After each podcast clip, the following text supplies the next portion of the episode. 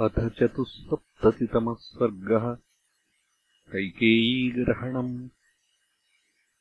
ताम् तथा गर्हयित्वा तु मातरम् भरतस्तदा। रोषेण महता आविष्टः। पुनरेवाब्रवीद्वचः। राज्याद्भ्रंशस्वकैकेयी। नृशंसे दुष्टचारिणि। परित्यक्ता च धर्मेण मामृतम् रुदती भव। किम् ते दूषयद्राजा रामो वा भृशधार्मिकः। ययोर्मृत्युर्विवासश्च त्वत्कृते तुल्यमागतौ। भ्रूणहत्यामसि प्राप्ताकुलस्यास्य विनाशनात्।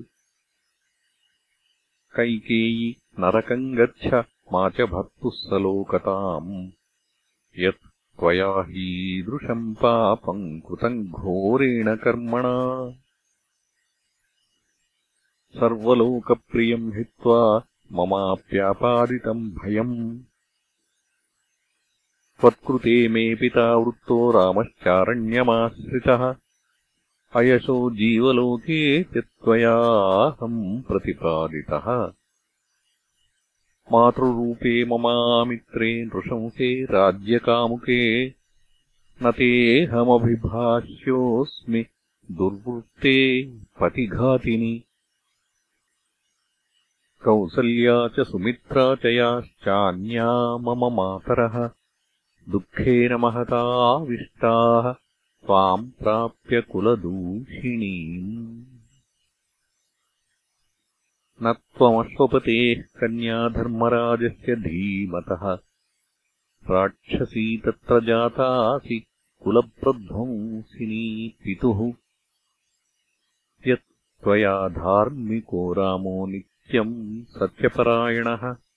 वनम् प्रस्थापितो दुःखात् पिता च हृदिवङ्गतः।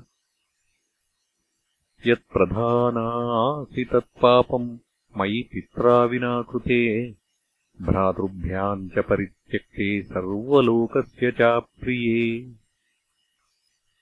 कौसल्याम् धर्मसंयुक्ताम् वियुक्ताम् पापनिश्चये। कृत्वा कम् प्राप्यसे त्वद्य लोकम् निरयगामिनि। किम् नावबुध्यसे क्रूरे नियतम् बन्धुसंश्रयम्। ज्येष्ठम् पितृसमम् रामम् कौसल्याया आत्मसम्भवम् अङ्गप्रत्यङ्गजः पुत्रो हृदयाच्चापि जायते। तस्मात् प्रियतमो मातुः प्रियत्वान्न तु बान्धवः। अन्यदा किल धर्मज्ञा सुरभिः सुरसम्मता। वहमानौ ददर्शोर्व्याम् पुत्रौ विगतचेतसौ तावद्धदिवसे श्रान्तौ दृष्ट्वा पुत्रौ महीतले रुरोदपुत्रशोकेन बाष्पर्याकुलेक्षणा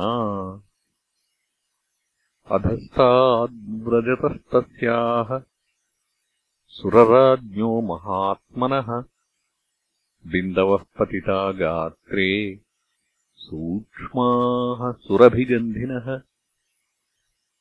इन्द्रोऽप्यश्रुनिपातम् तम् स्वगात्रे पुण्यगन्धिनम् सुरभिम् मन्यते दृष्ट्वा भूयसीम् ताम् सुरेश्वरः। निरीक्षमाणः शक्रस्ताम् ददर्श सुरभिम् स्थिताम्। आकाशे विष्ठिताम् दीनाम् रुदन्तीम् भृशदुःखिताम्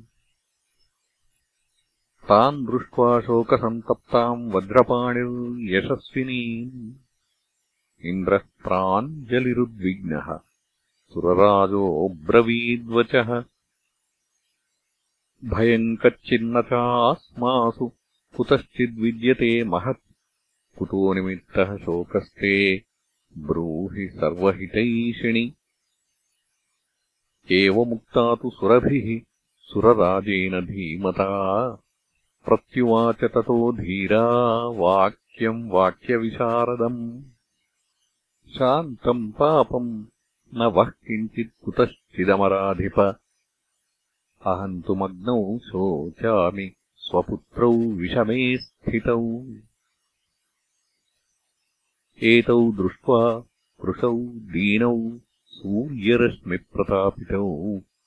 अद्यमानौ बलीवद्दौ कर्षकेण सुराधिप। मम कायात्प्रसूतौ हि दुःखितौ भारपीडितौ। यौ दृष्ट्वा परितप्येऽहम् नास्ति पुत्रसमः प्रियः। यस्याः पुत्रसहस्रैस्तु कृत्स्नम् व्याप्तमिदम् जगत्। तान् दृष्ट्वा रुदतीम् शक्रो न सुतान्मन्यते परम् तदा प्रतिमवृत्ताया लोकधारणकाम्यया श्रीमत्या गुणनित्यायाः स्वभावपरिवेशया। यस्याः पुत्रसहस्राणि सापि शोचति कामधुक्। किम् पुनर्या विना रामम् कौसल्यावर्तयिष्यति। एकपुत्रा च साध्वी च विवत्सेयम् त्वया कृता तस्मात् त्वम् सततम् दुःखम् प्रेत्यचेह च लप्स्यसे। अहम् ह्यपचितिम् भ्रातुः पितुश्च सकलामिमाम् वर्धनम् यशसश्चापि करिष्यामि न संशयः।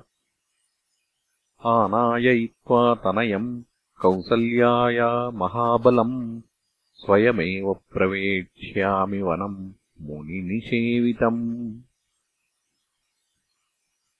न ह्यहम् पापसङ्कल्पे पापे पापम् त्वया कृतम्। शक्तो धारयितुम् पौरैः अश्रुकण्ठैर्निरीक्षितः। सा त्वमग्निम् प्रविश वा स्वयम् वा दण्डकान्विश रज्जुम् बधान वा कण्ठे न हि तेऽन्यत्परायणम् अहमप्यवनिम् प्राप्ते रामे सत्यपराक्रमे कृतकृत्यो भविष्यामि विप्रवासितकल्मषः। इति नागैवारण्ये तोमराङ्कुशचोदितः। पपातभुवि सङ्क्रुद्धो निःश्वसन्निवपन्नगः संरक्तनेत्रः शिथिलाम्बरस्तथा विधूतसर्वाभरणः परन्तपः बभूव भूमौ पतितो नृपात्मजः शचीपतेः केतुरिवोत्सवक्षये इत्यार्षे श्रीमद् रामायणे वाल्मीकीये आदिकाव्ये अयोध्याकाण्डे चतुःसप्ततितमः सर्गः